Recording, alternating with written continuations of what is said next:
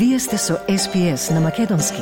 Слушнете повеќе прилози на sps.com.au козацрта на Седонин.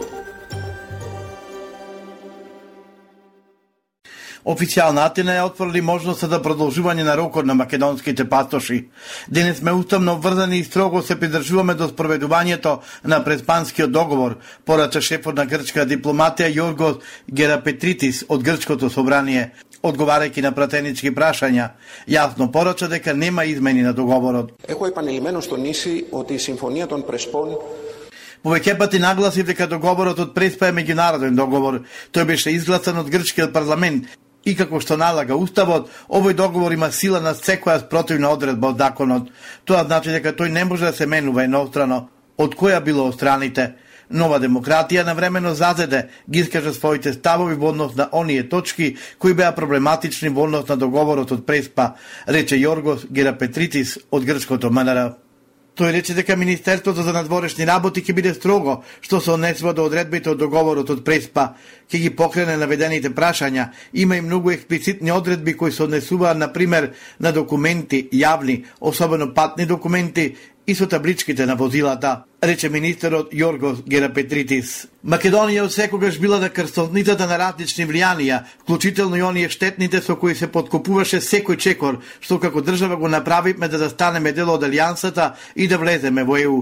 За жал овие влијанија не се намалија со влезот во НАТО, туку се интензивираа откако земјата се соочи со нови пречки во пристапувањето во Европската Унија истакна вице-премиерката задолжена за политики за добро владење Славица Грковска на безбедносниот форум на тема Малигното кинеско и руско влијание на Балканот, кој се одржува во САД. Во своето обраќање на форумот, Грковска оцени дека штетните наративи, лажните вести и дезинформациите се шират пошироко и подлабоко во обштеството. Таа изрази надеж дека Сати Војнина ќе остана наш посветен сојузник и пријател кој континуирано ги поддржува напорите на земјава за напредување на демократијата, за владење на правото и за градење одржливи институционални капацитети за раст и развој. Цитирам: Без партнерството со САД, ние самите не би може да се справиме со малигните влијанија на непријателите на слободата и демократијата, ниту да ги спречиме метастазите што продираат во кревкото ткиво на нашето општество, заклучи Грковска. Министерката Грковска, како што информираат о неизиниот кабинет, е во посета на САД, во престат на денешниот традиционален молитвен појадок во Вашингтон. На СБС слушате вести од Македонија. Незаконски без тендер се набавувале скапите биолошки терапии за пациентите болни од канцер на клиниката за онкологија со намера да создадат вишок лекови, при што обезбедиле имотна корист за друг од околу 30 милиони евра, доведувајќи го фондот за здравство во заблуда. Под ова обвинение, обвинителството започна истрага против пет лица, поранешниот медицински директор Нино Васев, екс-економскиот директор Нехат Нухи, како и тројца доктори од онкологија. На двајцата директори, судот им одреди мерка на предпазливост, изјави обвинителката која го води случајот Ана Гоговска Јакимовска. Станува збор значи за кривично дело измама во службата.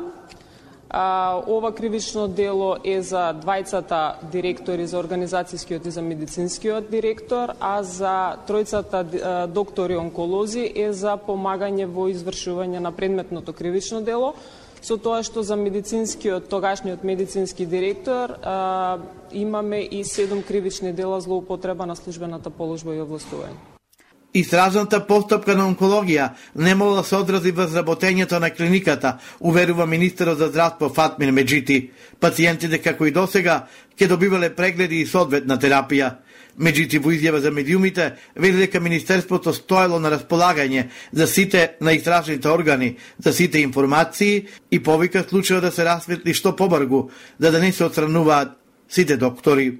Тоа оставам на истражните органи да се испита до крај и како што кажавме со име и со презиме да се знае веќе кој е виновен за не може целата здравствена и сите лекари и здравствена фела да бидат обвинети за вакви злоупотреби. Универзитетската професорка Ана Павловска Данева го помина комисискиот филтер за уставна судика со 7 гласа за, 3 против и ниту еден воздржан. Собраниската комисија за прашања на изборите и именувањата го утврди предлогот на владеачкиот СДСМ Павловска Данева да биде кандидат за судија во Уставниот суд. Пратениците на ВМРО ДПМН во матичната собраниска комисија повторно кажаа дека предлогот на Павловска Данева за уставен судија е партиски, а од СДСМ ги отфрлија тврдењата и повикаа да се комплетира составот на Уставниот суд.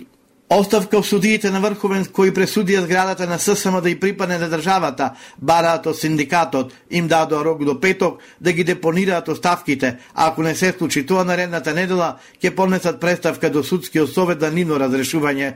Суделе по стар закон, а не по важечки, и пресудата ја донесле по закон кој повеќе не е на сила. Изјави за медиумите Слободан Трендафилов, председател на Сојузот на синдикатите на Македонија. Многу ми е жал што овие врховни суди не знаат дека од 2010 година има нов закон за здружени и фондации во кој во членот 2 се наведува.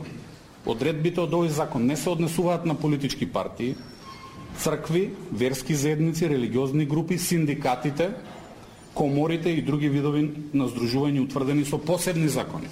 О синдикатот се сомневаат дека врз пресудата имало и политички влијанија. Јавно прашуваат на кому треба работничкиот дом. Со поддршка од нивните колеги од Европската и Светската организација се заканија дека ќе излезат на улица, но одговори ќе бараат и на сите митинзи пред престојните избори. Директорот на Центарот за управување со кризи, Стојан Чангелов, упати апел до новиот председател на собранието Јован Митрески итно да го стави на дневен ред законот за дополнување на законот за бранители, кој што по иницијатива на достоинство тана предлог закон со поддршката од пратениците на ВМРО ДПМН. Господине председател Јован, одважи се и стави го итно на седница на собранието овој предлог закон, рече Ангелов на Канал 5 се работи за 15 на семејства на загинати бранители, загинати од раката на учека, во која што учествуваше и сегашниот председател на, председател на владата, примерот Тала Джафери, како и десетина војни инвалиди стави го на дневен ред, а очекувам од пратеничката група на СДСМ и коалицијата да дадат подршка. Верувате, нема ништо да изгубите. Универзитетскиот професор од Тетово Нури Беджети, поддржуваш Нали Ахмети и поранешен припадник на ОНА, кој од 2001 година е на црната листа на САД, го критикуваш Изет Меджити, зашто не гласал за Талат Джафери да стане премиер. Беджети го праша Изет Меджити дали Албин Курти побарал од опозицијските партии на албанците во Македонија да формираат заедница на општините, што се раководени од албанци. Меджити се одговорил дека Курти не побарал такво нешто. Лидерот на Дуја Али Ахмети во интервју за радио телевизија Косово го повика Курти јасно да каже дали неговата партија само определување ќе учествува на парламентарните избори во земјава. Коментирајќи ја за вчерашната средба на Арбен Таравари, Билал Касами, Африм Гаши и Изет Меджити со премиерот и председателот на парламентот на Косово. Стиснете, ми се допаѓа, споделете, коментирајте. Следете ја SPS на Македонски на Facebook.